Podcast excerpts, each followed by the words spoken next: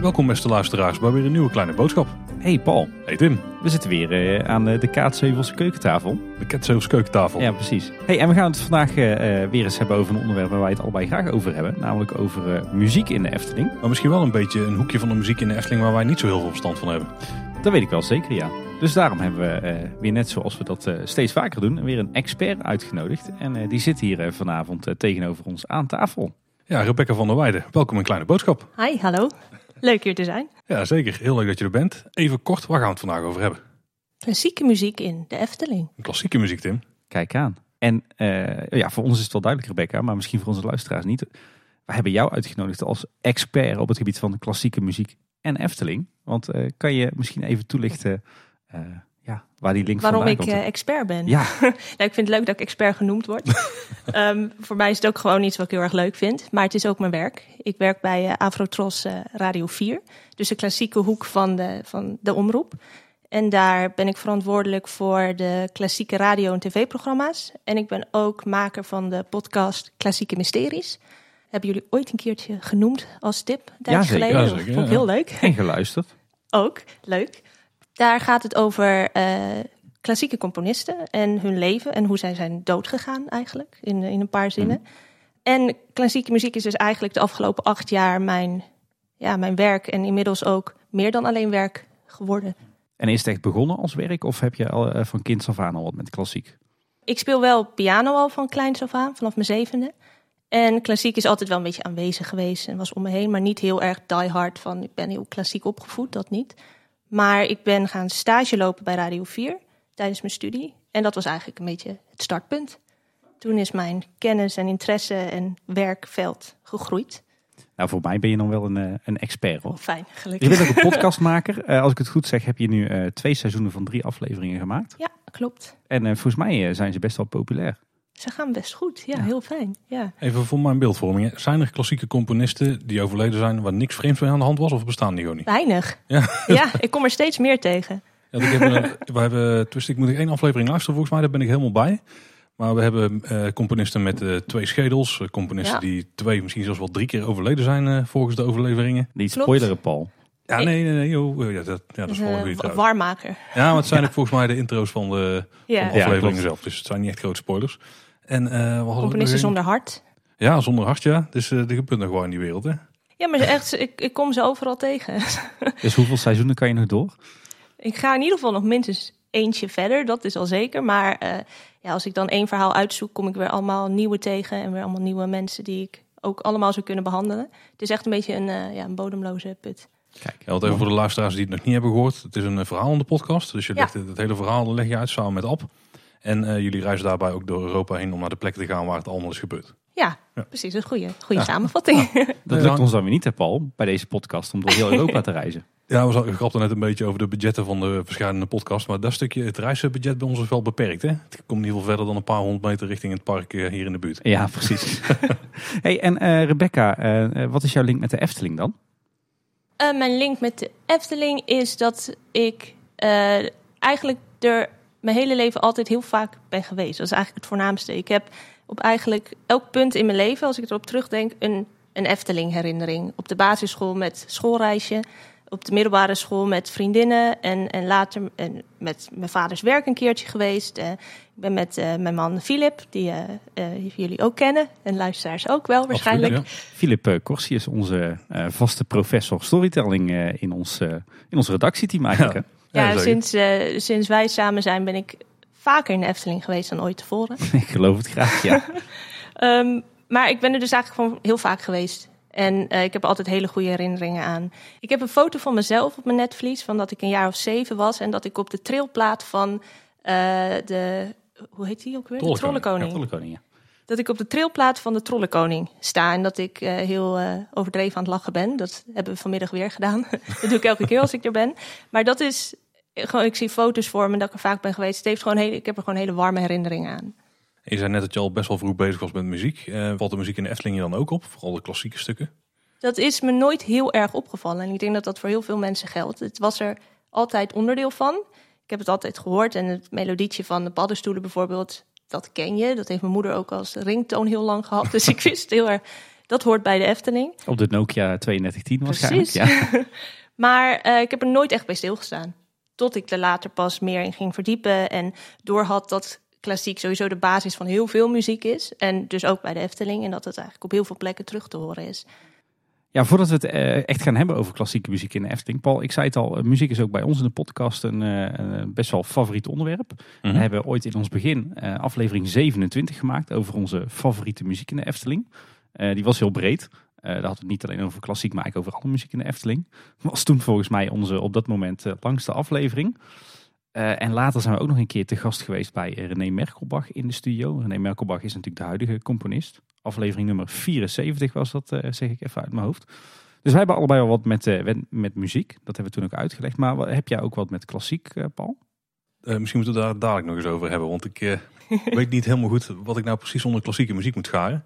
Eh, en ik heb wel een beetje gespiekt in het draaiboek. En volgens mij gaan we juist die punten aanhalen waarbij ik dan zou kunnen zeggen... ik heb er wel veel mee of niet.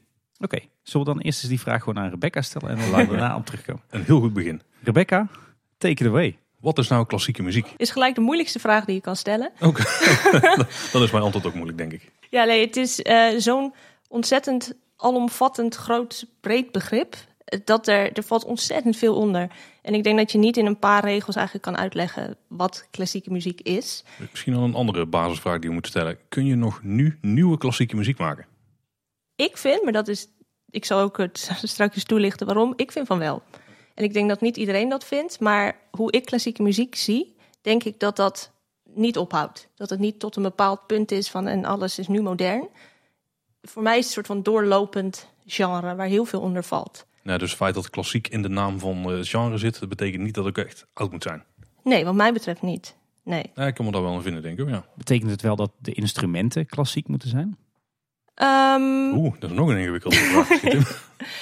Ja, een, een instrument is op zichzelf denk ik niet heel erg klassiek. Het is meer de manier waarop het gebruikt wordt en hoe, hoe erop gespeeld wordt. Maar als je nu kijkt ook naar parkmuziek, dat wordt ingespeeld door een orkest. Ja. Dat is hetzelfde soort orkest als een symfonie van Mahler van eh, eh, jaren geleden. Dus het is nu, als je het zo bekijkt, in principe nog steeds een klassiek orkest dat het Ja. inspeelt. Ja. Ik heb wel voor het gemak even naar een ehm, woordenboekdefinitie van wat klassieke muziek is gekeken. Eh, Want ik dacht, kan Wikipedia het wel in twee zinnen samenvatten? Wat daar stond was... Klassieke muziek in onze beleving is muziek die voortkomt uit westerse, kerkelijke en wereldlijke muziektradities vanaf de middeleeuwen tot heden. En dat vond ik vooral heel leuk, het stukje tot heden. Dus dat illustreert een beetje ook wat Mhm, ik net zei. Ehm, het, houdt, het, is, het is nog steeds bezig eigenlijk. En het is wel in allerlei verschillende periodes te vatten. Want je hebt dan eh, vanaf de middeleeuwen tot renaissance, romantiek. En dan nu is het, noemen ze het hedendaags. Ehm, misschien heet dat over tientallen jaren ook weer heel erg anders. Maar er komt gewoon steeds een nieuw stukje bij. Maar het houdt niet op eigenlijk. Oké, kijk, dan is die vraag al beantwoord. dus. en is dat ook een beetje de, de definitie die jullie bij eh, Radio 4 hanteren? Ja, ik heb ook het gevoel dat het steeds meer komt. Want eh, veel op Radio 4 is ook wel een beetje de, de grote klassieken. Zoals Bach en Mozart, Beethoven. Namen die iedereen wel eens een keertje voorbij heeft zien komen. Of horen komen eigenlijk. Ehm, maar een paar weken geleden bijvoorbeeld was de Filmmuziekweek op Mhm. Radio 4. Toen hebben ze één dag een top 40 van de mooiste, of eigenlijk door het publiek gekozen, mooiste eh, stukken filmmuziek. En daar zat ook Star Wars tussen en Harry Potter en Ja. Pirates of the Caribbean. En dat wordt ook gewoon op Radio 4 uitgezonden. Dus ik heb het gevoel dat het wel wat aan het verbreden is. Mhm. En dat is ook de perceptie wat, ja, wat groter. De, vat valt meer onder. Denk je dan dat dat soort stukken dat die worden gekozen omdat ze populair zijn en bekend? Of omdat het ook echt klassieke stukken zijn? Ja, ze worden gekozen natuurlijk omdat ze populair zijn, maar valt het, eh, valt het binnen het genre klassiek? ja, het valt er wel binnen. Ja. Dan, dan kan ik Ja. mijn vraag beantwoorden van het begin. Of jouw vraag beantwoorden Tim van het begin. Dan heb ik daar wel wel mee, ja. Ja? Ja, ik, ik heb wel heel veel met de soundtracks en eh, vooral de, de orchestralen en zo. Die, eh, die kan ik wel heel waarderen. Ook overigens als er elektronische eh, onderdelen in zitten. En vooral als ze mooi gecombineerd zijn. Eh, die imitation games, een hele goeie. Ja, game muziek is ook weer een nieuwe categorie die ook Oh, die- steeds ja, die meer ook nog, begint ja, te komen. Ja. En voor mij valt dan iets als parkmuziek of attractiemuziek valt eigenlijk in diezelfde lijn als games en, en film. Het is ook een sferisch, ja, sferisch geheel. Ja, want als je een beetje kijkt naar andere kunsten en dan ook gewoon naar de, de beeldende kunst, dus uh, schilderkunst en zo. Heel veel uh, revoluties die daarin zaten, die uh, hingen op bepaalde ja, nieuwe manieren van hetzelfde materiaal gebruiken, Ja. zeg maar. Dus bijvoorbeeld een andere manier van, eh, van schilderen of eh, een andere manier van vormen en zo eh, brengen. Is er bij de klassieke muziek dan ook zo? Ik dacht dat dat misschien een soort van eis zou moeten zijn, dat een beetje de originaliteit te proberen in te krijgen, dat dat ook een soort van eigenschap is, of steeds proberen het weer een stukje verder eh, Ja, ja. op een nieuwe manier. Ja, absoluut. Als je kijkt naar mensen die vinden dat bijvoorbeeld veel muziek echt niet klassiek is, dat dat hem zit in, dat is in ieder geval mijn aanname, dat is hoe ik denk dat het zit. Componisten van nu of filmcomponisten, dat die eh, bijvoorbeeld akkoorden of bepaalde eh, theorieën van oudere componisten gebruiken. Dus een beetje de, ja, de renaissance van muziek, het opnieuw gebruiken. En dat ze voornamelijk die meesters van vroeger, dus die echte diehard klassieke componisten zoals Bach en Mozart, die waren daar vaak het eerste in. Die kwamen met nieuwe eh, melodieën en, en, en genres. En kijk bijvoorbeeld naar Chopin, die heeft het recital bedacht. Dat is een, eh, een, een piano in zijn eentje. Dat, je zou denken van ja, dat is heel normaal. Maar hij was eigenlijk gewoon de eerste die dat deed. Die dat op een podium uitvoerde. En die waren een soort van de uitvinders ervan. En sindsdien is alles wat daarmee gebeurt eh, al een keertje gedaan. Maar dat geldt, wat jij zegt, voor alles. Het geldt ook voor kunsten. Het geldt ook voor schrijvers. Dus wat mij betreft is dan niet een scheiding van nou, vanaf nu hebben we alles al een keer gedaan, dus nu is het niet meer klassiek. Ja. Maar dat is misschien hoe het door sommigen een beetje de scheiding gezien wordt. En Tim die vroeg net ook van eh, de, het gebruik van instrumenten, of de, de instrumenten die gebruikt worden. Eh, heel veel filmmuziek die maakt ook wel gebruik van elektronische muziek. Vooral Hans Zimmer is daar volgens mij een beetje pionier in geweest. Is dat dan ook wel een soort van eis dat het wel door een orkest opgevoerd moet, zou, zou moeten kunnen worden? Of mogen er ook eh, synthesizers of zo tussen zitten? Ja, ik denk dat dat een beetje de, de, het hedendaagse aspect er dan aan wordt. Dat dat, om- omdat het er nu is en het nu kan, dat dat onderdeel ervan gaat worden. Misschien als Mozart een synthesizer had gehad, dat hij het hartstikke leuk had Dat gevonden. denk ik wel. Ja. En jij zegt synthesizer, maar je hebt natuurlijk tegenwoordig ook, ook elektrische eh, violen, elektrische cello's, en Hm, allerlei apparaten. Het is eigenlijk meer dat het makkelijker Ja. wordt. Ja. Ik moet zeggen, zo breed had ik er in instantie niet naar gekeken. Ik denk als we klassieke muziek zo breed zien. ja, ik ben ook dol op filmmuziek, dol op parkmuziek, natuurlijk dol op attractiemuziek. Ik had ook even voor mezelf bedacht van eh, in hoeverre heb ik nou iets met die ja, bijna klassieke definitie van klassieke muziek. Eh, en toen viel eigenlijk op dat, eh, dat zowel ik als ook mevrouw Anne, dat we eigenlijk geen van beiden zijn opgevoed met klassieke muziek. Gewoon totaal niet. En daardoor heb ik ook eigenlijk nooit wat met klassieke muziek gehad. Mijn cijfers op de middelbare school voor muziek waren ook echt laag. Eh, en het grappige is, nu hebben we zelf twee dochters. En op de een of andere manier hebben we toch allebei zoiets van... ja, dat is echt een gemis geweest in onze opvoeding. Dus ik merk dat wij onze dochters, ondanks dat ze 1 en 3 zijn... nu wel echt proberen groot te brengen met klassiek. Dus we zijn al eens naar een, eh, een concert van... eh, Carnaval eh, der Dieren geweest, Carnaval des Animaux, eh, van eh, Camille Saint-Saëns, als ik de Ja. naam goed uitspreek. Absoluut, ja. En we hebben ook hier ook allerlei prentenboekjes liggen nu met over componisten en over klassieke muziek. die super leerzaam zijn. Maar het grappige is dat ik dus nu op mijn eh 33ste, 34ste eigenlijk ja, aan het pionieren ben wat betreft de echte klassieke muziek. En ik leer dus nu veel meer dan dat ik bijvoorbeeld destijds op de middelbare school leerde over klassieke muziek.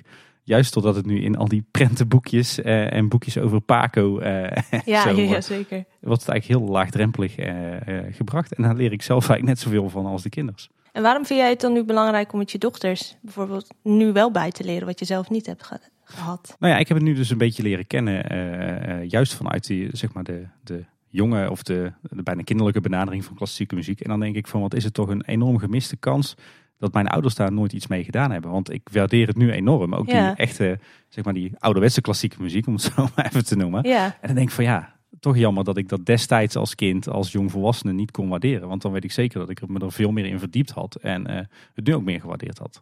Ja, en ik denk ook dat sommige mensen niet doorhebben dat het eigenlijk op veel meer plekken om je heen is dan je zelf Ja. denkt. Als je door de Efteling loopt, dat hebben jullie ja, hoogstwaarschijnlijk ook als kind allemaal gedaan, dat je het de hele tijd hoort, maar gewoon niet erbij stilstaat van, oh, dat is misschien een werk van een klassieke componist. Ja, je kent de verhalen erachter niet, je kent de componisten Nee, niet, dus je leert het ook niet te waarderen. Het is meer zo van ja, het is er. Maar het is er eigenlijk wel altijd. Ik denk dat dat misschien wel een interessant punt is, want we hebben nu net dus eigenlijk bedacht dat de definitie die is heel breed. Er kan heel veel onder geschaard worden. De grenzen zijn denk ik ook best wel, eh, ja, misschien een beetje fuzzy. Ja, Ehm, maar je hebt dus wat dat betreft best wel ja, veel keuze. Je hebt best wel veel dingen om naar te luisteren die een beetje in het genre vallen. Ehm, ik denk dat juist die oude stukken heel interessant zijn als je de geschiedenis weet. Wat je net zegt, zeker. er waren de pioniers, er waren op dat moment nieuwe dingen. Ik denk dat je dan, eh, die, dat je dan veel meer waardering ervoor krijgt als je die kennis ook hebt. Dan dat je het gewoon vers hoort, maar ook kunt kiezen uit ja, andere, modernere Ja, ja, precies. componisten. Ik weet niet hoe je het tegenwoordig wil noemen. Ja, componisten zijn er Ja, steeds ook. ja. En ik moet ook zeggen, wat tegenwoordig ook wel eh, werkt is, eh, en dat klinkt misschien ook heel stom, is eh, YouTube. Want je hebt natuurlijk, je kunt echt heel makkelijk eh, allerlei eh, uitvoeringen van eh, verschillende muziekstukken van verschillende Ja. componisten bekijken en Spotify speellijstjes, ja, Ja, ja. zeker. Ja, Dat is nu meteen een vraag die ik dan wil stellen nu we de expert aan tafel hebben. Eh, in hoeverre eh, verschillen de uitvoeringen nog? Zeg maar. Dus je hebt, je hebt twee orkesten die zitten aan de andere kant van de wereld. Die krijgen alle twee dezelfde muziek. Zit er dan nog veel eh, verschil in? Of is er echt een soort van dit is gewoon de ultieme uitvoering van een bepaald stuk? Bestaat zoiets of zo? Of, Nee, er zijn eigenlijk heel veel verschillende manieren om het te doen. En dat ligt voornamelijk aan de dirigent. Want het orkest volgt wat de dirigent doet. En dat is heel erg persoonlijke stijl. Je kan, je kan een werk hebben, en dat hebben we ook zelf wel eens bij een podcast gemerkt, dat je één stuk kiest en je denkt, nou, ik wil toch een ander, en dat die opeens eh, een paar minuten korter is. Ehm, omdat sommige dirigenten het graag wat sneller doen. Of het mooier vinden als het wat langzamer en gedragen is. Dat is heel erg eigen stijl eigenlijk. Eh, en er zijn mensen die vinden dit is ultiem, want dit is wat er in de bladmuziek staat en zo moet het gespeeld worden. Maar daar wordt wel door dirigenten mee, vrij mee omgegaan. Het doet me denken aan een, een- gelijk een mooi bruggetje naar de Efteling. Het doet me denken aan een van de nieuwjaarsconcerten die gegeven werd in het Efteling Theater. Eh daar werd ook heel veel eh, Efteling muziek en Efteling muziek gespeeld. Waaronder ook weer, eh eh, weer Camille Saint-Saëns, de Dans Macabre. Ja. En die werd volgens mij eh, een maat, of ik weet niet precies hoe dat het, eh, wat de be- juiste benaming is, maar die werd trager gespeeld dan de versie zoals wij Dan die kennen kent in, in, waarschijnlijk. in de, in de attractie en ook in de verschillende andere uitvoeringen. En ik weet nog dat me dat echt verschrikkelijk op de zenuwen werkte, omdat ik dacht, sneller, hoort sneller, sneller, sneller. Maar het kan ook dat ze het in de attractie sneller hebben gedaan. Omdat het dan binnen een bepaalde tijd past, bijvoorbeeld. En misschien is die langzame dan wel degene die veel gebruikelijker is. Maar die hoor je dan niet zo Nee. vaak. Maar om, eh, want even, we hebben zoals gebruikelijk weer een hele lange inleiding. Dit was de intro. Ja, precies. Misschien wel goed om even de- dan te definiëren. De titel van deze aflevering is klassieke muziek in de Efteling. Maar in dit geval interpreteren we het dus zo. Het gaat om de muziek in de Efteling die niet specifiek doelbewust voor de Efteling geschreven is. Hè? Dus voor bestaande stukken die door de Efteling zijn gebruikt. Ja, dat lijkt me een goeie. Ja. En dan gaat het voornamelijk, eh, wat ik heb kunnen vinden, om romantische stukken. Dus dat is een beetje uit de periode eh 19e, begin 20e eeuw. Efteling heeft vroeger ook heel veel muziek van eh, band of plaat of net weet ik veel waar ze het vandaan hebben het over gehaald. Hoe zit het eigenlijk met, met die oude stukken? Want je hebt dus muziek door componisten die misschien wel drie, twee, driehonderd jaar geleden is geschreven. Ja. Maar je hebt wel zo'n concept van public domain. Dus op een gegeven moment komen, komen bepaalde dingen die, die worden, ja, die zijn vrij beschikbaar voor iedereen. Maar de uitvoeringen, daar, die zitten natuurlijk niet in het public domain. Tenzij ze misschien 80 jaar geleden een keer opgenomen zijn of zo. Dus als je iets van die klassieke muziek in je park wil hebben of, of in je, ja, net wat je dan uitbaat. Hoe werkt het dan? Hoe werkt dat daar precies? Kun je het zelf laten uitvoeren en dan, ja, dat is natuurlijk van jou. Zijn er wel public domain uitvoeringen of zo? Ja, dat is wel een lastige vraag. Ik weet het niet helemaal zeker. Bepaalde muziek van eh, componisten die een x-aantal... Ik ben, ik ben nu even kwijt dat hoeveel 25, precies. maar dat is wel heel weinig. Ja, volgens mij is het meer. Volgens mij is Ja. het 90, staat me bij. Jaar dood, eh, als ze zo lang dood zijn, dat je dan die muziek mag gebruiken. Eh, dus mu- bladmuziek van Bach mag je dan zelf opnieuw eh, inspelen. Eh, maar op orkestuitvoering en bepaalde dirigenten zitten dan wel echt rechten. Dus als je een bepaalde heel mooi vindt, zou je hem wel kunnen afkopen.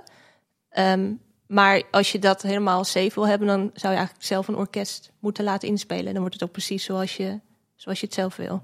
Dus Paul, wij moeten voor eh, de muzikale omlijsting van deze eh, aflevering even naar de Galaxy Studios in Mol. Om even al die stukken opnieuw voor ons te laten inspelen. Ja, misschien moeten we nog een bewerking laten maken door een eh, componist hier uit de buurt of zo. Ja, precies. Ja, er schijnt in Kaatsheuvel schijnt eh op zich wel een leuke hobbyist te wonen. Ja, toch? ja. Ja.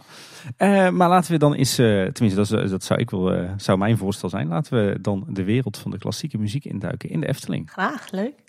Hey Rebecca, ik hoor jou iets zeggen over eh, de romantiek. Dat is bij mij toevallig mijn, eh, mijn favoriete periode qua architectuur. Maar er is dus ook een, eh, een periode qua muziek.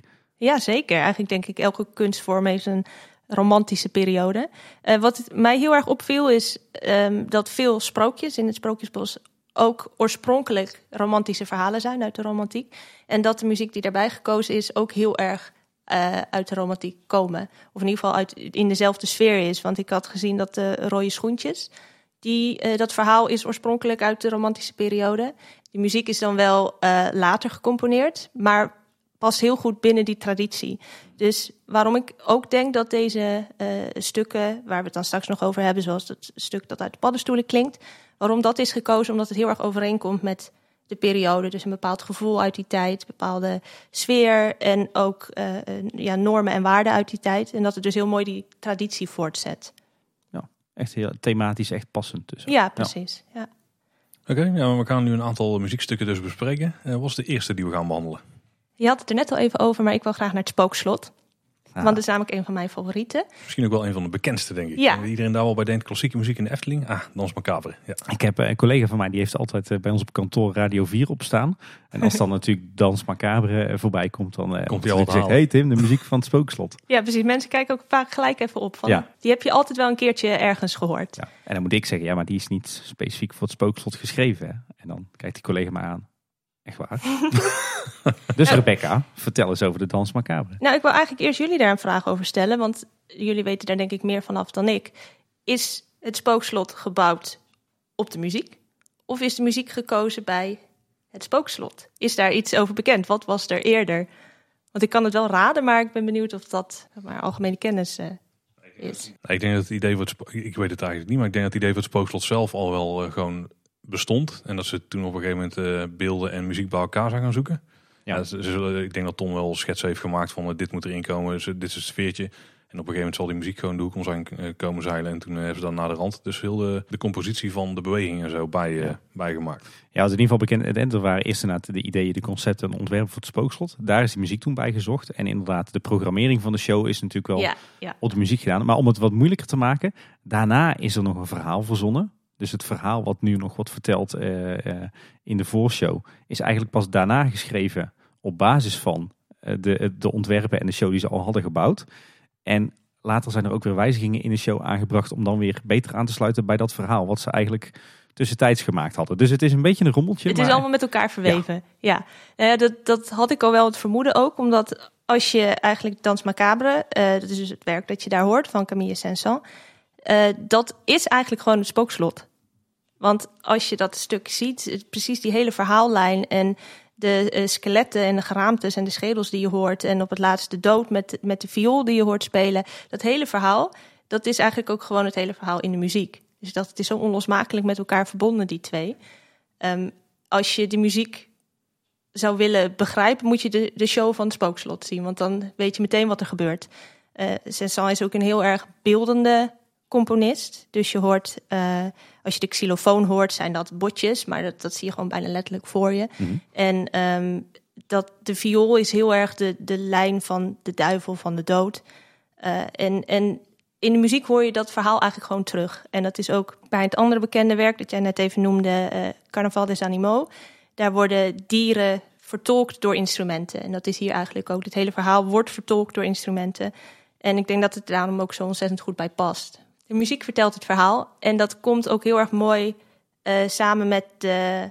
eh, dat, dat is de zesde aflevering van mijn podcast. Wil ik er heel eventjes kort bij houden, halen. Mag altijd, Maar even die, moet, pluggen. die moet ik dus nog luisteren. Ja. Oké, dus kleine spoiler, maar ja. dat gaat over een eh duivelsviolist ehm, uit Italië, Paganini. Paganini, ja. Precies.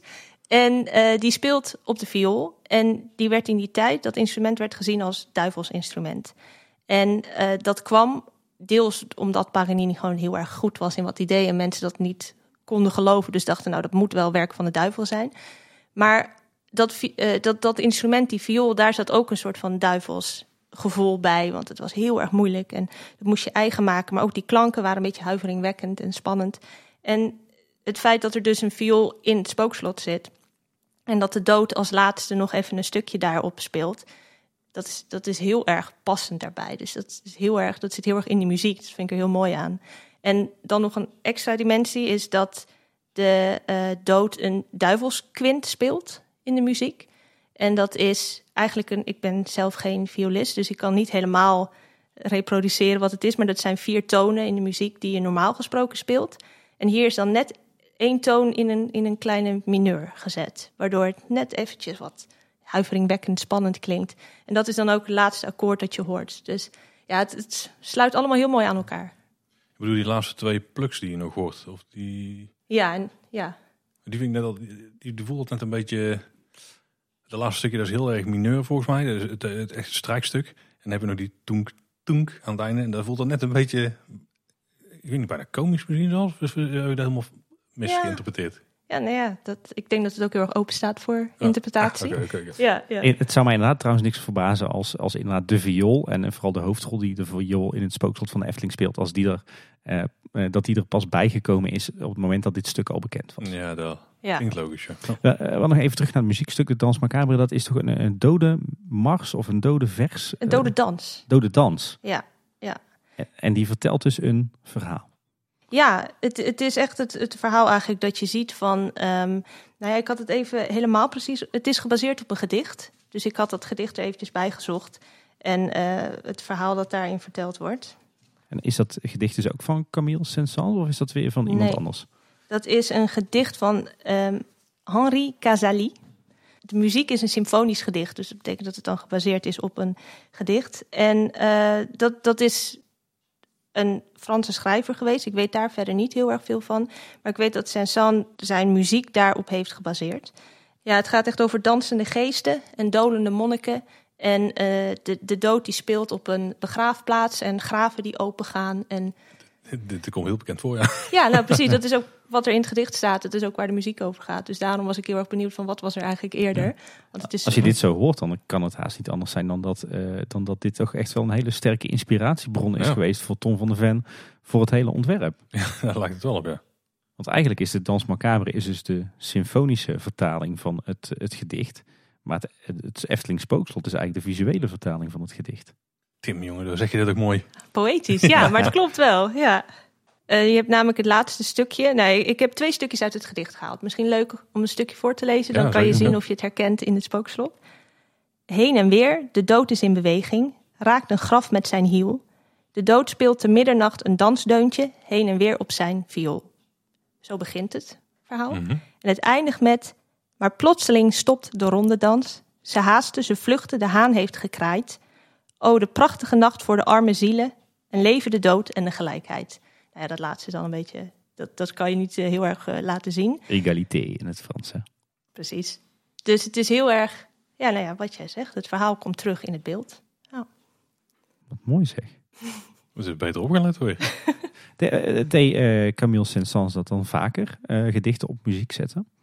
Ja, hij heeft wel regelmatig symfonische gedichten geschreven. Ja, ik kan nu niet direct er een paar reproduceren... maar hij was heel erg van het beeldende en het sferische. Ja, ja, dan heb je inderdaad ook als je Carnaval des Animaux luistert. Daar, daar hoor je gewoon de olifant, daar hoor je gewoon Ja. de leeuw. Dat hoor je gewoon in de, in de muziek en in de instrumenten. Die Dus die, hij is er eh, echt perfect gebruikt. voor. Ja. Dit was al een zeer interessante achtergrondinformatie. Ja. Ik ben heel benieuwd naar het volgende stuk. Ehm, ik wilde naar de paddenstoelen gaan. Oh, Eigenlijk om maar gelijk classic. alle classics eh, klassieker, gehad ja. te hebben. Dit is namelijk gelijk een heel leuk verhaal. Ehm, en waar ik mee wil beginnen is het Kabouterdorp. Mhm. Eh, daar heb je een holle boom en daar zit een kabouter in. En eh, die speelt een stukje. En dat is op een celeste. Ik weet niet of jullie dat wel eens hadden gezien. Het, is soort, het lijkt heel erg op een piano, maar het is een soort van klokkenspel. Dat Mhm. lijkt, dus het klinkt net wat anders. En ehm, die speelt daarop. En je hoort dus de muziek die uit de paddenstoelen komt. Ja. Dus daarbij wordt dan een beetje de suggestie gewekt van... die kabouter laat al die paddenstoelen tot leven komen. Vind ik al een heel mooi begin. Eh, op bladmuziek staat Per Jokum, opus 2. Dat vind ik wel heel erg leuk, want het is natuurlijk gewoon voor de grap deel 2. ik ben benieuwd of er dan ook een deel 1 is. maar ehm, wat hij speelt is het menuet in G majeur. Mhm. Nou ja, dat is dus een bekende melodietje dat iedereen eh, kent. Dat is niet van Bach, zoals veel mensen denken, maar van Christian Petzold. En dat is een componist die niemand heel veel zegt. Mijzelf Nee. eerlijk gezegd ook niet. Maar een soort van onbewust kent iedereen hem dus heel erg goed. Want dat menuet, dat is van hem. Eh, de reden dat mensen denken dat dit menuetje van eh, Bach is, is heel goed te verklaren. Het staat namelijk in het Zweite Notenbüchlein van Anna Magdalena Bach. Eh, Anna Magdalena was de tweede vrouw van Johann Sebastian Bach. En die componeerde zelf ook wel eens, maar die was ook heel erg goed in het verzamelen van stukjes muziek. Stukjes die zij mooi vond, die ze zelf speelde. Het zijn ook vaak hele korte ja, etudes, dus gewoon stukjes om te oefenen op de piano eigenlijk. En die schreef zij samen met haar man eh, op in een boekje. Dus eigenlijk een verzameling. Het menuet is daar ook eentje van. Dat had ze opgeschreven, heeft ze vast een keertje dan gehoord. En dat stond in dat boek zonder naamsvermelding erbij. Waardoor er heel erg lang, tot 1970, vanuit is gegaan dat dat dus door Bach geschreven zou moeten zijn. Of dat dan door Johann Sebastian of door Anna Magdalena was, dat was dan niet helemaal duidelijk, maar het moest wel van Bach zijn. Tot in 1970 in Leipzig um, door een Bach-archief is ontdekt dat het helemaal niet van Bach was. Dat het een stukje uit een groter clavecimbalconcert was van Petzold, een familievriend van Bach. Um, dus hele lange tijd is er gewoon een verkeerde opvatting geweest van wie dat geweest moest zijn. Maar het is dus van Petzold.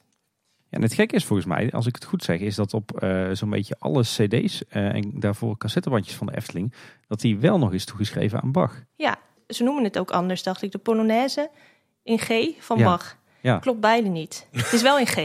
Dat nou, volgens mij communiceert de Efteling nog steeds daarover dat het een stuk is van, uh, van Bach. Wel nu volgens mij tegenwoordig van Anna Magdalena Bach. Ja. Maar dat, dat klopt dus niet. Zo, zover mijn kennis gaat, is dat uh, in 1970 uh, um, ja, veranderd of rechtgezet eigenlijk. Ja. Kijk. En de versie zoals we die horen in, uh, in de Efteling, die is niet gespeeld op die Celeste waar jij het over had, maar over, op een klaversymbol, toch? Ja, ja. klaversymbol, ja. Um, dat is denk ik ook een keuze geweest. Dat is ook de oorspronkelijke variant. Het was ook een klaversymbol. Maar waar ik ook denk dat het daarvoor gekozen is, waarom ik dat denk, is een klaversymbol heeft een heel erg nostalgische klank eigenlijk. Het is een oud instrument, een mhm. authentiek oud, uh, instrument. Wordt nu iets minder veel gebruikt, maar het klinkt ook gelijk lekker ja, oud. Klassiek, Altijd meteen zo'n uh, middeleeuws gevoel erbij. Nou ja, precies. Dus ik denk dat het daarom ook deels voor gekozen is. Ja. Ik moet ook zeggen dat ik de, de, bijna de remix zou je kunnen zeggen, of de nieuwe, uh, de nieuwe versie zoals die in de eerste symfonie van Aquanura zit, vind ik ook echt een, heel, echt een schitterend stuk. Ik dacht dat je een Chesto Nuro bedoelde. ik uh, zeg even niks, Paul. Wat wel grappig is trouwens om ook erbij te vermelden, dit is het menuet in G uh, majeur. Er is ook een mineur versie van ditzelfde oh. stukje. Dat zou je eens moeten luisteren als je het in Spotify zoekt. Het is heel leuk. Het is namelijk heel herkenbaar. Maar net even wat dramatischer, net even wat vervelender. Dus hmm. ja, vervelend is misschien ook niet het goede woord, maar net iets ja, treuriger eigenlijk. ja.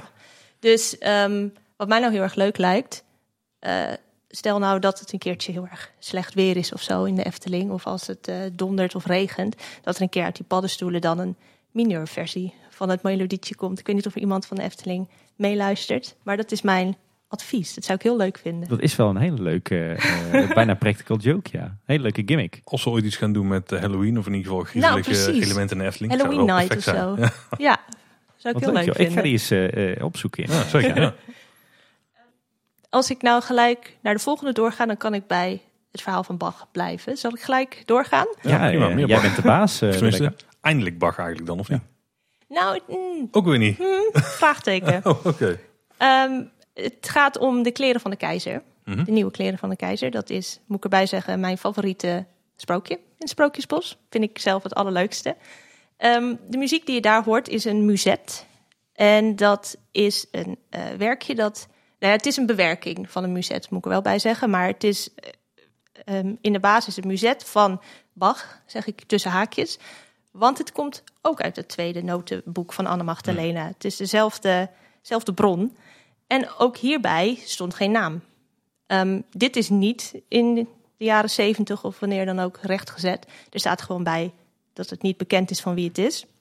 Maar dan gaan bij mij een klein beetje de alarmbellen rinkelen. Want ik denk, als het wel van Bach was geweest, Bach is zo groot en bekend, dan hadden we dat toch eigenlijk wel geweten. Denk ik. Maar dat is, dat is een aanname. Ze zeggen dus dat het Bach is, maar wat mij betreft is dat nog tussen haakjes. Het is, eigenlijk, uh, zou je kunnen zeggen, jatwerk van de tweede vrouw van Bach. Ja. Verzamelwerk. Ja. Het verzamelalbum, letterlijk. het is echt een verzamelalbum, ja. Wat, wat is een muzet? Het is een Franse dans.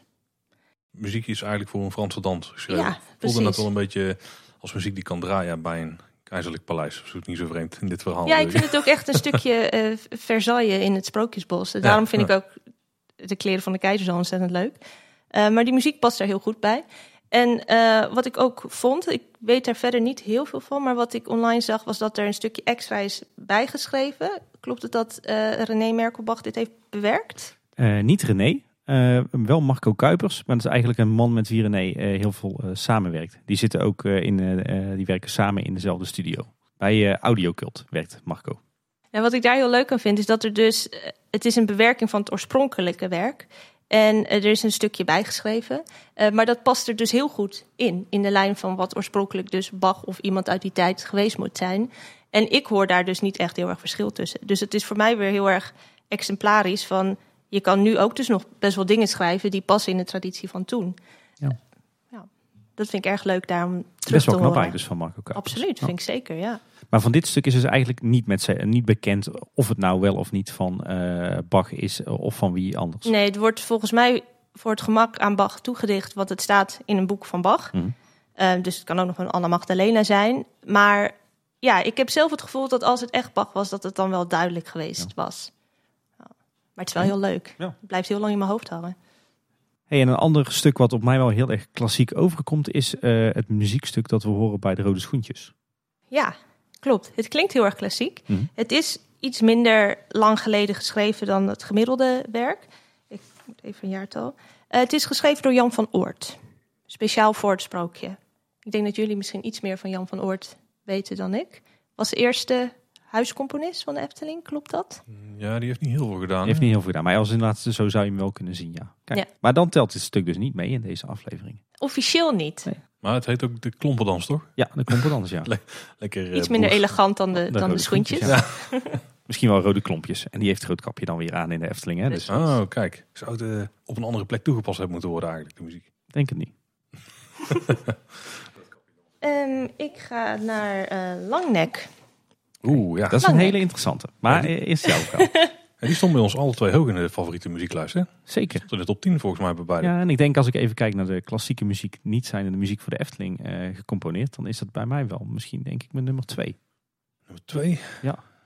En wij misschien wel nummer 1, denk ik. Ja. Ja, ja. Oké, nou, wij vinden hem in ieder geval Favoriete allebei heel mooi. muziek die je in de Efteling hoort? Hij staat sowieso in de top 10. En het is, het is denk ik, uit mijn hoofd. ik weet niet meer precies hoe die zat, maar in ieder geval top 12. Eh, en van echte klassieke stukken is, dan staat hij wel ver bovenaan. Denk ik. Of tenminste, ik denk wel bovenaan. Ja.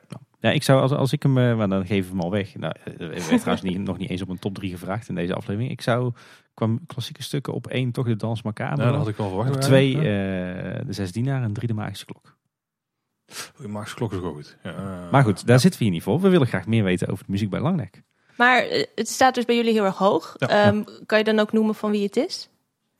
Eh, eh, James Coates, nee, hoe hoe heet die? Uh, Ketelby, toch? Ketelby. oh, is Coates is van uh, is van de Klok. Klok. nou ja, dit nu, oké, je, je zit precies midden in het eh, probleem van de eh, zes eh, dienaren. Ik, ik dacht trouwens altijd dat je Kettleby zei, maar ik kwam er laatst achter dat het Ketelby. Ketelby is. Streepje op de, op de tweede E, ja, precies.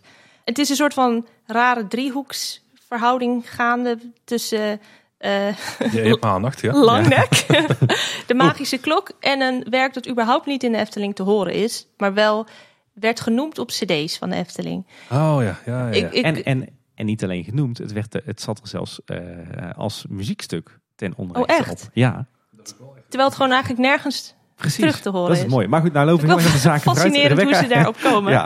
Ja, eerst, eh, eerst het, eh, het, het, het verhaal achter de muziek. de muziek die daar te horen is, is eh, In the Moonlight, een werk van uh, Ketelby. Dat is een Engelse componist. Redelijk modern. Hij, is, hij heeft het geschreven in 1915. Ehm, en hij is pas overleden in 1959. Dus het is een redelijk moderne componist. En die staat heel erg bekend om lichte muziek. Eigenlijk lichte Engelse sferische muziek. Hij schreef nog een ander werk in The Monastery Garden. Dat is het werk dat op de cd staat, maar nergens verder in de Efteling terug te horen is. En dat zijn allebei heel erg, ja, wat Saint-Saëns ook een beetje had, beeldende werken. Die uh, in The Monastery Garden schreef hij naar aanleiding van een wandeling door een tuin. Dus je hoort een beetje vogeltjes terug en uh, je kan geen bloemen horen groeien, maar bij wijze van spreken de natuur om je heen. Dus ik denk ook dat dat een keuze is waarom het in de Efteling zo goed past. Met de natuur eromheen en heel erg beeldend en licht. Het lijkt niet af van het verhaal, maar je wordt toch meegenomen naar een beetje andere wereld. Er zijn dus drie stukken die hier spelen. Dat is wat je, dat je bij Langnek hoort van uh, Ketelby. In een Monastery Garden van Ketelby dat nergens is. En By the Sleepy Lagoon. Mm -hmm. Dat is een ja. werk van Eric Coates. En dat is dus wel te horen in de Efteling, maar dan bij de Magische Klok. En die drie worden op de een of andere manier allemaal door elkaar gehaald. Ergens is het niet gek, want Eric Coates en Ketelby waren tijdgenoten. En die kenden elkaar ook. En die waren sterker nog uh, eigenlijk concurrenten van elkaar. Want Ehm, de ene die stond hoog in de, in de hitlijsten van die tijd. en eh, de, de ander die kwam toen met nieuwe werken. Dus ze, wa- ja, ze waren wel precies in dezelfde periode, dezelfde soort muziek.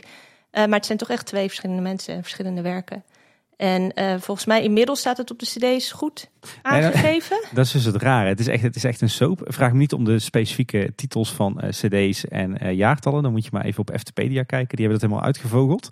Maar het is dus lang geweest dat er, eh, dat er op de cd's en de cassettebandjes van de Efteling eh, in de Monastery Garden stond. En dat ook werkelijk het muziekstuk in de Monastery Garden op cd stond. Terwijl het dus nergens in de Efteling Waar komt dat te horen vandaan is. dan?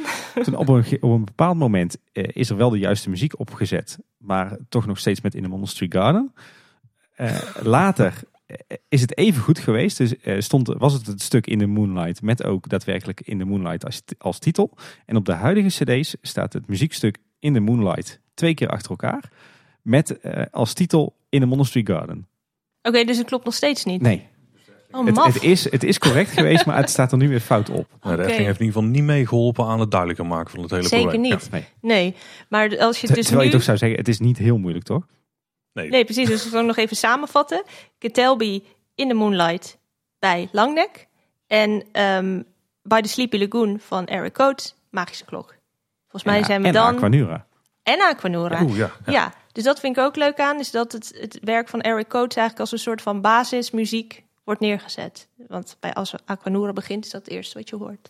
Wat eigenlijk ook wel vreemd is, want eh, het is natuurlijk een beetje die link die het heeft met de kikkers die daar staan op Mhm. het eh Routenplein. Maar de muziek is natuurlijk van de Magische Klok heeft eigenlijk niks met die kikkers te maken. Hoewel die daar wel een beetje in de achtergrond hoort. Is het een soort van uitgebreid tot muziek van, van het hele plein?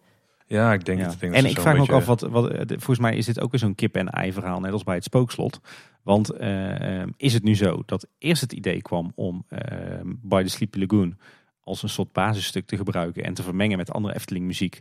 Eh, en heeft er daarna iemand geroepen van, oh, als we dat toch doen en we hebben een vijver, dan zetten we er vier idioot grote kikkers Ja. in. of werd er eerst gezegd, Aquadora wordt een soort grote kikkerfontein. En hebben ze later gezegd, oh, dan gebruiken we meteen die muziek. Ja, dit zijn nou de dingen waar ik s'nachts van wakker lig, Tim. Ja, precies. Nou, ik denk, ik gok op het eerste. Ik denk dus dat er eerst de muziek was en daarna pas het idee van die opgeblazen kikkers. Hmm. Maar we zullen het nooit weten. Interessante discussie. Nou, we kunnen ze wel eh, gaan checken links, eh, links en rechts. Maar, maar, maar jij was vrij verbaasd over onze keuze, Rebecca. Wat, wat heeft jouw voorkeur dan van die muziekstukken? Ehm, ik ga ook heel erg voor eh Saint-Saëns, denk ik. Als ik mijn favoriet zou moeten kiezen. Omdat je daar geen verhaal nodig hebt, maar gewoon de muziek het verhaal vertelt. En dat, dus ik ben niet verbaasd door jullie keus, maar het is niet muziek die meteen bij me naar boven zou komen. Van oh, neurie is het melodietje dat je bij Langwerk hoort. Ik heb lange tijd niet eens heel erg bij stilgestaan dat de muziek ook te horen was. Ik vind het Ja, wel heel mooi, maar het is, daar het echt wat meer achtergrond van het verhaal. En ik hou zelf ook wel heel erg van eh, aanwezige muziek, symfonisch en groot. Ja. Vind ik ook wel erg mooi. Bij de Magische Klok wil ik trouwens nog één ding toevoegen, is dat er ook een stukje Tchaikovsky te horen is. Oh, een stukje. Namelijk Oh. de eerste noten die geblazen worden. Die komen uit Tchaikovsky's Capriccio Italien. Dat zijn wel betere namen dan bij de Sleepy Lagoon.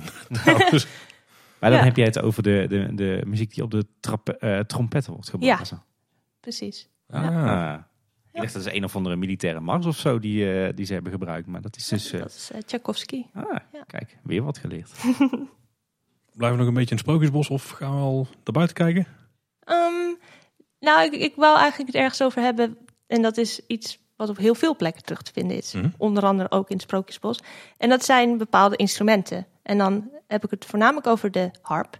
Mhm. En ik wou het later ook nog over het orgel hebben. Maar nu eerst de harp. Want het is me opgevallen dat de harp op heel veel plekken eigenlijk terugkomt. Ik denk meteen aan de Zeemermin en aan de Zes Zwanen. Moderne variant. Maar Ja. Precies. Even verder, denk ik hoor. Ik zie wel een, eh, een soort harp zitten in de Indische waterlelies. Een van die kikkers heeft een eh, soort van harp. Dat zal vast een andere naam hebben. Ja, ik zou niet precies weten hoe dat heet. Maar het is een soort van klein... eh, Ja, een soort omega, harpje. omgekeerde omega teken met wat ja, snaren ertussen. Ja. ik zit even snel te denken. de gondoletta's. Ja, ja ik Ja? zit vooral aan sprookjesbos te denken. Ja, daar sowieso, ja. Overigens is het muziekstuk wat bij de Zeemermin draait het- hetzelfde muziekstuk als wat bij de Gondoletta draait. Hè?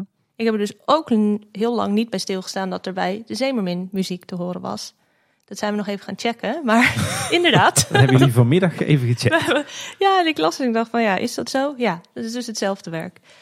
Ehm, Maar jij gaat me vast verrassen met nog meer plekken waar ik er niet direct bij stil heb gestaan. Nou, ik zag hem opvallend vaak voorbij komen in Symbolica. Ja, ja, ja zeker. En dan ja. voornamelijk de beeldenis ervan.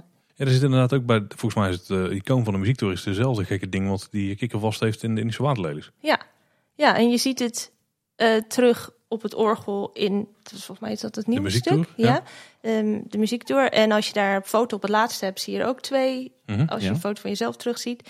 Dus het valt mij heel erg op dat de harp op heel veel stukken eigenlijk in het park Ja, terugkomt. Bovenop de kiosk bij het Witte Paard staat hij ook. En als je dus bij Symbolica door de wachtrij in loopt, dan hebben ze dus ook uh, delen van de muziek uitgelicht. Dus uh, dringen, ze drukken dan bepaalde instrumenten wat naar de achtergrond. Maar de harp die komt daar juist heel erg eruit. Ja, Dus, Ja. ja, ja. precies. Ja, de, de, kleinere, de kleinere variant van het harp heet dan een lier. Maar dat is dan ook, ook een uh, snaarinstrument, maar dan ietsjes kleiner. Um, ik denk dat ervoor gekozen is omdat het een heel erg rustgevend instrument is. En misschien is dat mijn, mijn eigen aanname daar, daarbij. Nee, daar kan ik me wel bij. Uh, maar zeker ook bij, bij Gondoletta bijvoorbeeld. Het is heel rustgevend. Het, is, het valt niet heel erg op. Het is er wel, maar het is een soort van ja, paradijselijke muziek. Misschien is dit uh, de indoctr- indoctrinatie door de Efteling, maar ik associeer het ook echt wel met water en zo. Het is natuurlijk ook zo, Ja. dat is bij de Zeemermin, het is uh, bij de Gondoletta, het is ook, ook bij de Zes Zwanen, ook best wel water. Dus dat is dan ook de missing link waarom het bij zowel de Zeemermin als bij de bootjes te horen is. Ja, ik denk dat de Efteling nou wel een beetje uh, schuldig aan is, hoor, dat ik die associatie heb. Maar ja, een soort van onbewust als Ja. je dat hoort, water. Ja, voor, eh, ik, ik, ik, voor mij, ik plaats de harp en eh, het klaversymbol altijd wel een beetje in hetzelfde rijtje qua klank. Ja. Ja? Nou, ik- ja, oké, maar, qua niet, authentiek Ja. geluid misschien. ja, maar ik associeer een klaversymbol weer niet met water of zo. Dat, dat, dat is wel meer, meer middeleeuws bijna. Ja, mijn eerste associatie met een harp is dat er ooit bij een brunch waar we waren met de familie iemand harp speelde. Dus het is wat minder water Iets gebaseerd. andere. Ja. Ik weet niet wat je toen dronk. Nou, toen mocht ik nog niks drinken hoor. Ja, Oh, water appelsap, dus? maar eh, En een ander instrument dat ik heel erg veel zie, maar echt opvallend vaak, is het orgel. Ja. En ehm, dat is heel erg overduidelijk bijvoorbeeld met het orgel bij de carousel. Gewoon echt een, een groot orgel. Maar ehm, je hoort het ook terug. Je ziet het bij eh eh, Lavelaar. Je hebt Ludwig, de, de orgellaaf. Eh, vernoemd naar Beethoven overigens. Ehm, leuk detail inderdaad. Leuk detail. Je ziet het terug in Symbolica, maar nu ook bij de nieuwe Max en Moritz. Daar zit dan ook weer, het is dan wel weliswaar een geen kussenorgel, maar het is wel een orgel. Net iets andere klanken. ja, maar dat is, ik vind het opvallend dat er dus sommige instrumenten gewoon heel erg vaak terugkomen. Vind ik ook heel leuk, een soort van verbindende factor tussen de verschillende werelden misschien. Of, ja. Dat is wel interessant, ja. Want als je kijkt naar bijvoorbeeld eh, soundtracks, nou, ook heel vaak een orgel toegepast. Dan wordt het vaak weer gebruikt voor een beetje die eh, mineur settings. En voor dat eh, een beetje het kerkelijke en, eh, ja, en zo. Maar juist in de Efteling, misschien ook omdat ze een beetje teruggrijpen op het nostalgisch Hollandse. Daar is juist zijn het een beetje de vrolijke orgeltonen die daar Ja, vaak langskomen. dat is eigenlijk een hele leuke variatie. Ja. Ja, en ik denk als we het over draaiorgels gaan hebben, daar kunnen we op zichzelf al een hele aparte aflevering van eh, Kleine Boodschap van maken. Want je hebt natuurlijk het Gavioli-orgel in het Stoomcarousel, eh, of in het Carouselpaleis. Dat is echt een, echt een monumentaal orgel. Je hebt de orgels eh, in de Anton Pieckmolen en de Vermolenmolen. Zijn volgens mij allebei eh, orgels van Karel Vrij. Die drie orgels die draaien ook allemaal nog op orgelboeken. Maar verder heeft bijvoorbeeld de Jeepmolen vroeger zijn eigen orgeltje gehad. Eh, de Efteling heeft nog een tijdje de Melodijn gehad. Dat was een straatdraaiorgel wat eh, werd neergezet eh, in het Marenrijk. Check hem zeker even op Eftepedia. Ja, leuke foto erbij. en eh, eh, bij de Zweefmolen, bij de Grote Zweef, wordt nog altijd draaiorgelmuziek gedraaid. eh, maar dan van cd. Dus ik denk dat de Efteling ook wel een beetje hoeder en beschermer van het draaiorgel is. Ja, ja, het is wel een beetje een huisinstrument. Ja. Misschien. Ja. Ik zei dat er een orgel dus bij Max en Moritz komt. Ik zag ook daar op de, op de bouwtekening, of zeg je dat, de, de concept art, Mhm. een eh, buste van eh, Beethoven staan. Oh, Ja, dat, Ja? Daar, werd, daar werd ik op gewezen, moet ik zeggen. Maar er staat in het hoekje een hele kleine Beethoven. Dus ik ben heel benieuwd of dat dan ook in daadwerkelijke uitvoering terugkomt. Zou ik heel leuk vinden. Want Oh. wat me vandaag wel opviel, is dat er nu ook een buste van... Het is dan OJ punctueel, maar in precies dezelfde vorm van... eh, een soort van Beethoven-buste ook in Symbolica staat.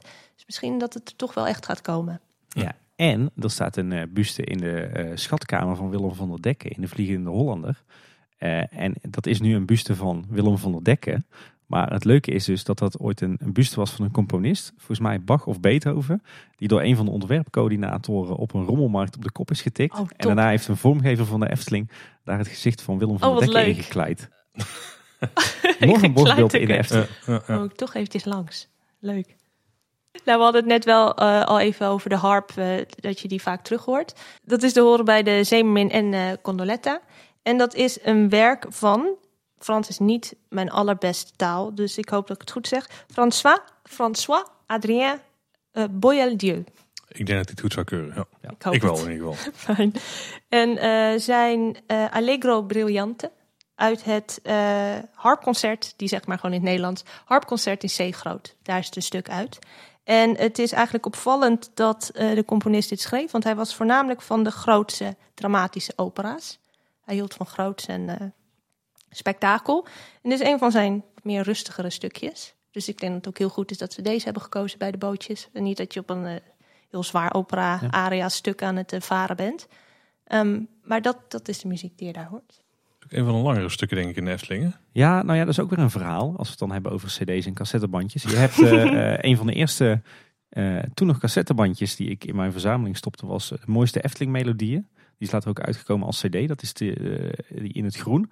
En die had eerst vijf nummers eh, Droomvlucht en daarna vijf nummers Fata Morgana. Dat waren de originele stukken van Ruud Bos. En daarna zat er de, de echte volledige Dans Macabre stond erop. En het laatste nummer was inderdaad het, ja, goed, het muziekstuk waar we het nu over hebben. Om eh, er maar even makkelijk van af te maken. Maar dat was volgens mij ook het volledige muziekstuk van 12, 13 minuten. Ja.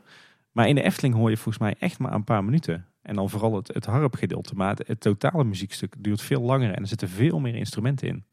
Ja, dat niet is alleen harp. dramatisch? Ja, ja. Dus volgens mij zit in de Efteling hebben ze gewoon echt een heel kort en lichtvoetig stukje uit, eh, uit die muziek. Het is net het eh, rustige. Ja. harpje. Ja, dus dit was dan het bekende grote stuk met, eh, met de harp. Maar we hadden het net ook over de harp die dan door een of andere kikkers werd vastgehouden. In de Indische waterlelies. Maar zit er een harp in dat muziekstuk? Ehm, nou, het is, een, het is een liertje dat de, de kikker vast heeft. Ja, en ja. eh, dat hoor je terug en dat is de muziek ehm Afrikaan Beat. Mhm. Klinkt ook eh, klassiek. Ja, heel klassiek. En dat is van de Duitse componist Bert Kampvaart. En eh, klassiek, ja, ik zei net dat klassiek een beetje de eh, westerse cultuur is. Dit klinkt natuurlijk niet heel westers, deze muziek. Mhm. Ik denk dat het ook precies daarom gekozen is. Ehm, maar wat ik ook heel interessant vind om te vermelden zijn de noten of het ge- gezang van de heks Mhm. vooraf. Want dat is ook weer een heel grappig verhaal. En dat is namelijk een Peruaanse sopraan die dat heeft ingezongen. Ima Sumek uit Peru. En zij had een stembereik van ruim vier octaven. Dat is wel heel erg veel. Ik weet niet wat een beetje normaal is. Twee Eh, ja, dat is precies normaal. Dit is wel vrij abnormaal. Eh, dus die hoge noten die zijn door haar gezongen. En eh, de muziek die daarna komt is ehm, uit 1962. Dus dat is nog wel redelijk... Die was net vier jaar oud dan toen Ja. het sprookje opende. Dus dat ja, was dus nog, dat was eigenlijk ja. heel, heel nieuw. Die kwam uit de hitparade. Ja, je zou het bijna kunnen Ja. denken. Ik denk heel erg dat ervoor gekozen is omdat het eh, exotisch klinkt. Het is een beetje het orientalisme, het, eh, het hier naartoe brengen van andere culturen. En dat het dan heel mooi past bij ja, een beetje ook het, het bovennatuurlijke aspect van het sprookje. Ik denk dat daarom ook voor die stem gekozen is, de heks. Het is een bovennatuurlijk hoog stembereik en dat past dan heel erg bij die omgeving. Het is wel mooi. Ja. We hebben Indische waterlelies. We hebben een zangeres uit Zuid-Amerika. En we hebben een muziekstuk wat dan de naam Afrika draagt. Ja, dus ontzettend multicultureel. En het is ook wat, wat veel mensen denken, het is niet African beat, maar Afrikaan beat. Afrikaan beat. Ja. Net zoals dat het dans macabre met een S is geschreven, niet met een. C. Klopt, ik, vind, ja. ik vind het Afrika-stukje er niet echt uitkomen dan bij die muziek. Maar daar zal misschien een vreemde associatie zijn bij mensen die... Ja, ik weet niet. We, hebben tegenwoordig meer informatie, om, denk ik, om daar iets van te vinden. Maar ja, 1962. Ja, het is een beetje, een beetje grappige, lichtvoetige muziek. hè. Ik denk dat in de jaren 60 dat ook een beetje het beeld van het continent Afrika was. Ja, Niet zo precies. Een politiek beetje die kolo- koloniale gedachten nog, zeg Hm. maar. Ja, precies. Dus dat is eigenlijk het, ja, het, het verhaal van de waterlelies. Ja. En ze eindigen ook nog met, een, eh, met, met de heks, toch? Ik Die lijkt ook wat te mompelen, ja. ja. Ja, dat is dan weer een ander, hm? ander stuk. Ja, dat is niet slecht. Ja, dat was jouw octaaf bereikt. Ja, maar ik denk, ik denk ook wel twee. Ja. Mijn gewone stem en mijn kopstem. Je hebt een indrukwekkend stembereik, ja. Ik ga vooral erg de diepte in. Ja. Ja. Dat is uit. Qua inhoud of qua stem. Vooral qua stem. Maar Rebecca, volgens mij als ik het goed heb, dan zijn we nu wel een beetje door de klassieke stukken in de Efteling heen. Ja, wel de meest ja, bekende op zichzelf staande klassieke stukken, inderdaad. Wat wel nog leuk is, is ehm, te benoemen, dat is niet echt klassiek te noemen, maar wel heel erg binnen de nostalgische lijn, is het gebruik van speeldoosjes muziek. Oh ja, ja. En dan voornamelijk bij, eh, wat bij mij naar boven komt, is diorama. Ehm, en wat ik vond, is dat dat opnames zijn van speeldoosjes van een vriend van Anton Pieck. Ja. En dat het ook de originele opnames daarvan zijn. En ehm, wat ik daar dan heel erg leuk aan vind, is dat het gewoon heel erg dat nostalgische effect weer benadrukt. Dat ze dat ook heel belangrijk vinden. En dat het, ja, ik vind dat zelf ook heel charmant, die muziek. En volgens mij komen speeldoosjes ook op meerdere stukken, Ja, het meerdere plekken terug. Kabouterdom, maar ook Assepoester natuurlijk. Ja, ja. Daar is ook een muziekstuk geschreven rond de speeldoos. Dus dat is ook een paar van die terugkerende elementen. Ik had ook, eh, toen ik even aan het eh, vooronderzoeken was eh, hierover, een reportage gevonden van Radio 4 van een paar jaar geleden. Dat was in het kader van de Hart en Ziellijst. Dat is een, ehm, een week lang zenden ze dan muziek uit. En dat is de allermooiste muziek ooit geschreven volgens de luisteraars. Wat veel muziek is voor de filmmuziek, is Hart en Ziel voor alle muziek. En er was een reportage over klassiek in de Efteling. En daar eh, zat een quote in van Karin Koppelmans. En het vond ik wel leuk om even te benoemen, want ik denk dat dat precies samenvat waar wij het ook over hebben gehad. Ze zei: klassieke muziek hoort bij de basis. Het heeft iets van vroeger, het heeft iets sprookjesachtig. En het komt uit een tijd toen alles beter was, misschien. Nou, ik weet niet of vroeger alles beter was. Zo zou ik het niet willen zeggen. Maar ik denk dat dat voor de muziek wel heel erg geldt. Ehm, het was toen heel erg goed en dat gebruiken we dan nu heel graag in de rest van de muziek. Maar het is wel echt de basis. En daarom denk ik ook dat het heel goed is dat je, wat, jij zegt, dat je je kinderen klassiek laat horen. Maar ook als je je kinderen mee naar de Efteling neemt, dat je ze eens bij de paddenstoelen laat luisteren van hoor je de muziek of wat zijn je associaties erbij? Omdat het dan heel erg de basis is van ja, alles is daarop gebaseerd op klassiek. Ook popliedjes, ook alle, alle andere, alles wat je hoort is ooit daar begonnen. En ik denk dat zij dat dan heel mooi verwoordt in dat het de basis is van alles. Ja, mooie woorden, denk ik. is ook van de En zeer Efteling. terecht woorden. Ja. Als we nog even kijken naar de verschillen misschien tussen de klassieke stukken in de Efteling en de moderne stukken. Die stukken die natuurlijk van vroeger uit een keer erbij zijn gepakt, behalve dan misschien Dans Macabre, die zijn echt eh, geschreven op, ja, gewoon zodat ze er zijn. Al, muziek als muziek, zeg maar. Maar de moderne muziek die wordt geschreven als ondersteuning van hetgene ja, wat er is. Dus daar is het misschien meer sfeerscheppend. Ja, dat klinkt heel slecht, want ik denk dat alle muziek dat wel doet. maar, maar daar is het hoofddoel misschien meer sfeerscheppend dan Ja. dat het gewoon mooie muziek op zichzelf moet zijn, zeg maar. ja, ik denk ook dat de muziek niet moet afleiden misschien van het verhaal. Ehm, en Ja, dat dat ja. ook het verschil is bij verschillende attracties en sprookjes. En dat daarom juist bij Dans Macabre weer zo goed werkt. Ja, Want, want, ja. daar heb je geen gesproken tekst. Dus dat het ook heel erg afhangt van wat je wil doen met het verhaal. Als een stem het vertelt, dan wil je niet dat de muziek doorheen schat en dat je niet het verhaal niet kan volgen. Maar als de muziek voor zich spreekt, dus dat, je, dat het daar heel erg op ja, gekozen wordt. Ja, ik denk dat ook wel een aantal van de sprookjes waarbij je misschien niet direct stilstaat dat de muziek draait. We hebben net al een paar eh, een beetje Ja. ontdekt. Hè? De Zes Dienaren bijvoorbeeld. eh Roodkapje ook, denk ik. Eh, dat, dat daar juist gesproken wordt, ja. Dat is ook wel logisch. Maar bij de Maagse Klok valt dan wel meer op, hè? ja, maar dan komt daar start het en eindigt het sprookje ook met een wat langer stukje muziek waar klopt, niet ja. overheen wordt gesproken. Ja, ja, goed punt. Ja. En ik denk dat het daar ook vooral opvalt sinds het ook in Aquanura wordt gebruikt. En dat je er sindsdien veel bewuster van bent van dat muziekstuk. Ja, want als we ook dan weer even doorgaan naar de filmmuziek. Daar heb je soms muziekstukken, ik, ik maak airquotes, dat kunnen de luisteraars niet zien natuurlijk. Eh, die misschien juist bijna vooral klanken bevatten en zo. Dat niet eens, ja, het is natuurlijk wel gecomponeerd. zijn klanken die bij elkaar zijn gezet. Eh, Er zullen vast wel akkoorden tussen zitten en zo. Maar wordt er dan ook onder de klassieke muziek geschaard? Want dat is meer een, bijna een soundscape maken. Wel enigszins melodisch, maar ja. Ja, ik denk dat, dat, ook, dat, dat daar de meningen over verschillen. Ehm, maar wat mij betreft is het dan een, ja, een andere vorm van klassiek. Valt het er wel onder, maar is het dan meer begeleidende muziek of Ja. wat moderner? Of je hebt nu ook best wel veel um, modernere componisten. Ik zit bijvoorbeeld ook aan Arvo Pärt te denken. Die is ook heel erg van de minimalistische muziek. Dus dat het daar dan meer onder zou vallen. Dus dat het weer een soort van eigen genre binnen een genre is. Ja, ja, ja. niet per se dus een, eh, een reden om het af te schieten als een klassiek stuk. Wat mij betreft niet. Ik vind klassiek wel echt gewoon all-inclusive, zeg maar. Er kan, er kan heel erg veel. En dat, dat is er denk ik ook zo mooi aan, want daarom is er ook voor iedereen wat. En ehm, het, is, het is niet beperkend, want er valt zoveel onder. Ik, kan, ik geloof ook niet dat je kan zeggen, ik hou niet van klassieke muziek. Want ik denk dat dat gewoon in de basis onmogelijk is. Omdat er, dan heb je gewoon nog niet gevonden wat je mooi vindt. Want er is zo verschrikkelijk veel. Of je nou juist wel graag zang wil of helemaal niet. Dan, dan, ja, dan als je de viool niet mooi vindt, nou, dan laat je die lekker achterwege. En dan is er nog heel veel. Ehm, dus dat vind ik het mooie eraan. Dat alles eigenlijk kan binnen het genre.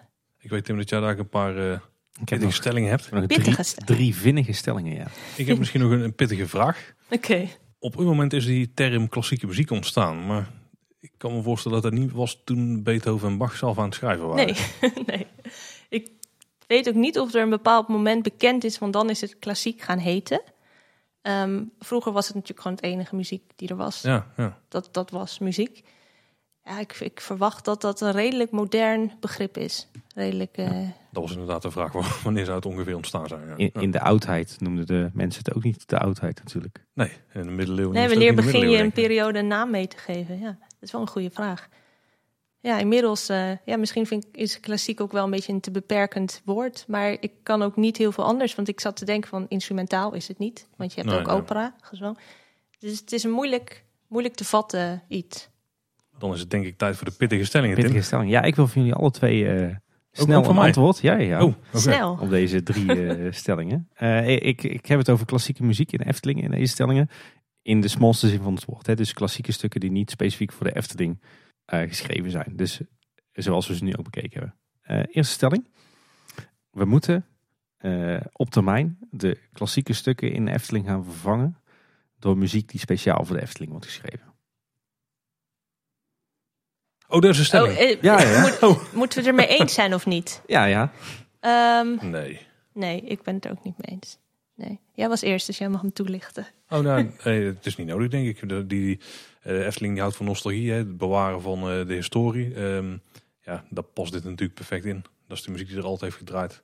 Dus er zijn wel uitzonderingen trouwens, want de muziek eh, bij de paddenstoelen is natuurlijk ook niet degene die er vroeger draaide. Nee. Maar dat is weer een ander verhaal. Ehm, dus ze doen het wel eens, maar ik denk dat het inmiddels zo verankerd is in de Efteling, dat, daar kun je niet meer vanaf.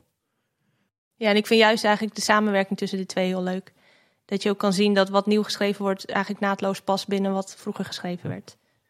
Oké, nou daar kan ik me, eh, ja, daar kan ik het heel goed mee eens zijn. Eh, stelling 2. je kan er in 2020 echt niet meer mee aankomen om bij een nieuwe attractie of een nieuw sprookje eh, klassieke muziek van een componist die niet voor de Efteling geschreven is te gebruiken. Hmm. Oftewel, je moet in 2020 echt muziek nieuw componeren voor de Efteling. Ik denk niet nieuw componeren, maar dan misschien wel bewerken. Ik vind het wel lastig. Ik vind het namelijk altijd wel eh, mooi om uit te kijken naar weer een nieuw stukje muziek in de Efteling. Maar ik, de afgelopen jaren is het natuurlijk bijna allemaal origineel. Dus ik vraag me af of dat er echt een soort van eis moet zijn voor mij om naar uit te kijken. Maar Kleren van de het Keizer ja. is Ja. vrij recent. En dat Ja. is ook gebaseerd op iets bestaans. Ja, en toch ben, ben ik daar dan, zeg maar, kijk je er minder naar uit dan als je weet, nee, die gaat weer eh, knutselen in zijn studio. Maar ja, eigenlijk maakt het niet zo heel veel uit, denk ik. Nee, ik denk dat het wel kan, nog steeds. Ja. Ik vind het wel heel leuk om de nieuwe stukken te horen wat je Ja, zegt. het ja, is wel zeker. weer heel verrassend. Nou, ik denk, ik denk dat ik sta er best wel voor open eh, als de Efteling toch weer een bestaand klassiek stuk zou gebruiken in een attractie of in een sprookje. Ik denk, dat Ik zou best benieuwd zijn hoe dat zou uitpakken. ik denk dat het niet meer voorkeur heeft, maar ik denk dat het wel nog steeds zou kunnen. En leuk om te zien wat ze ermee zouden doen Ja. dan. En daarop aansluitend de- de derde en laatste stelling, of eigenlijk is het meer een vraag. Ehm, noem eens een klassiek stuk, bestaand klassiek stuk, waarvan je zegt van nou, die zou zo in de Efteling passen. Daar heb ik over nagedacht. Oké, dan heb je een glazen bol thuis staan. niet, eh, niet dat ik het van tevoren wist, maar ik heb er wel over nagedacht. En eh, toen bedacht ik me, er is een stuk eh, dat The Sleeping Beauty heet door Roosje. En ik weet niet zeker of ik dat per se zou willen in Sprookjesbos, maar ik ben wel heel benieuwd of het er zou passen. Ik zou het eigenlijk een keertje willen horen als ik dan daar zou zijn. Paul? Nou, er- komt er één bij me in op. Eh, ik heb hem net even moeten opzoeken, want ik wist het niet aan mijn hoofd. Maar Carl Orff, eh O Fortuna. Ja? Ik dat de meeste mensen hem wel kennen als je hem eh, hoort. Ik, denk uit wat trailers of eh, misschien dat soort fratsen. Ik denk Mhm. als je een, een, een achtbaan hebt die echt een heel klimactisch, bijna zoals de Vliegende Hollander, lift heel wil hebben, zeg maar, voordat je naar beneden dendert. Dan denk ik dat eh, dat wel een perfect stuk muziek daarvoor is. ja, dat zie ik ook wel voor me. Ja. Moet wel lekker dramatisch zijn, want als Ja. het eh, muziekstuk wel. Ja. ja, er moet eigenlijk wat misgaan, maar dat wil je niet in een attractie. Maar dat is Ja, de muziek echt, die maar- vraagt daarom. Ik, ik denk zelf dat eh, de vier jaargetijden van Vivaldi ook wel een geschikte zou zijn. Absoluut. Ja. is ooit al eens gebruikt in, in de les hier in Nederland. Het Holland Drama en het Openluchtmuseum. Daar draaide de vierjarige tijden van Vivaldi, althans één seizoen. Volgens mij de herfst, maar dat durf ik niet met, uh, met zekerheid te zeggen. Maar dat lijkt me wel een mooie. Ja, en als de Efteling ooit wat gaat doen met, met dieren, een soort uh, Ja. jungle cruise, ja, dan moet het natuurlijk uh, Carnaval des Oh, Animo uh, absoluut. zijn. Hè? En een Peter en de Wolf musical. Als je een manier hebt om kinderen met eh, klassieke muziek in aanraking te krijgen. Nee, hij, uh, hij gaat geen belletje richten. Oh, we hebben echt op school, ik denk dat we iedere jaar een keer moeten nee, kijken. ja, hij niet. Er is ook een Disney film van. Ik vond me echt, ik heb dus het 12 scheiden op school, maar- jongen, toen ik op drie zat of zo. Mij niet. Tot zover mijn gebrekkige klassieke opvoeding. Oké, dan denk ik dat we met deze pittige stellingen eh, aan het einde zijn gekomen van deze aflevering over klassieke muziek in de Efteling. En stel er zijn luisteraars en die hebben nog vragen over eh, de stukken die we besproken. Mogen wij die dan verzamelen en nog een keer jouw kant op sturen? Absoluut, mag altijd. Ja. Dus eh, luisteraars, heb je nog vragen, stuur die onze kant op. En eh, Rebecca, als mensen meer willen, te weten willen komen over jou, je podcast over Radio 4, eh, waar kunnen ze dan Waar terecht? kan dat vinden? Eh, nou, de podcast is, is te beluisteren op iTunes en, en Spotify en alle platforms. Zou heel leuk vinden als, als iedereen het eens zou luisteren en kijken wat ze ervan vinden. Ook omdat het heel erg is waar ik voor wil staan, zeg maar klassiek op een andere manier bij mensen bekendmaken dan gewoon Radio 4 aanzetten. Maar kennis laten maken op een andere manier. Dat gebeurt in de Efteling. Dat doe ik in de podcast door een verhaal te vertellen en muziek te gebruiken als ondersteuning. Eh, dus ik ben dan heel benieuwd wat mensen daarvan vinden. En laat ook zeker weten wat je ervan vindt. Ehm, en mijzelf kan je vinden op eh, de gebruikelijke Facebook, Instagram kanalen. Op Instagram heet ik eh, rebecca.v.d.w. Hele catchy naam, maar Van der Weijden was te lang in zijn geheel. Ehm, en dan mag je altijd toevoegen, vragen stellen, wat je wil. En ik ben nu ook bezig met seizoen 3 van Klassieke Mysteries. Dus op Instagram kan je daar ook het vervolg van zien. Of eigenlijk wat er op dit moment gaande is. Want iets, eh, een, een componist die een heel klein beetje te horen is in de Efteling, komt daar ook in terug. Kijk, Dus en ik, ik, ik zag Ja. ook al wat dingetjes op Twitter voorbij komen, want daar ben je ook te vinden. Hè? Ja, klopt. Twitter ook. Rebecca laagstreep Valerie. Ja, want Bach zat er nog niet in, hè? Nee. Dus Nee. zou het kunnen zijn. Kunnen? Mooi. Maar ja, het is eigenlijk geen Bach, hè? Nee, ja, nee, klopt. Ja. ik, moet, ik moet zeggen, ook voor, voor klassieke muziek leken, zoals ik mezelf toch nog steeds wel een beetje beschouw, is eh, Klassieke Mysteries, eh, de podcast, zeker een aanrader. Ja, dat zijn sowieso ook gewoon interessante verhalen. Ja. Dus, en ondersteunt ook klassieke muziek, maar het is echt ondersteund. Dus je zit niet, eh, als je denkt van ik geef niks om klassieke muziek, je zit daar niet minutenlang naar te luisteren of zo. Helemaal niet. Nee. Ik dwing je niet te, te luisteren als je, als je geen zin hebt. Nee. Ja, heel tof. Ehm, ja, wil je ons volgen, dan kan natuurlijk ook op de verschillende social media kanalen. Op Twitter zijn we @k boodschap. Ja, op Facebook en Instagram zijn we Kleine Boodschap. Je kunt ons eh, voor lange verhalen altijd mailen. Dat kan naar uh, info.kleineboodschap.com of je gaat naar de website, hebben we contactformuliertje. Dat is gewoon kleineboodschap.com. Ja, en je kunt ons luisteren via eh, alle gebruikelijke en ongebruikelijke podcast apps en via Spotify. Abonneer je ook en eh, laat gerust ook eens een eh, reviewtje achter, want dat vinden we altijd hartstikke leuk. Ja, zeker. Nou, dat was weer voor deze week. Rebecca, bedankt. Ja, bedankt. gedaan. Zo super interessant. Bedankt voor de ontvangst. Ik hoop dat jullie de volgende keer dat je door de Efteling loopt net even wat meer weet als je het hoort. Zeker. zeker. Mijn vrouw is nu al blij met de, de feitjes die ik haar kant op ga slingeren. Luisteraars, bedankt voor het luisteren. Tot de volgende keer en houdoe. Houdoe waar. Tot ziens.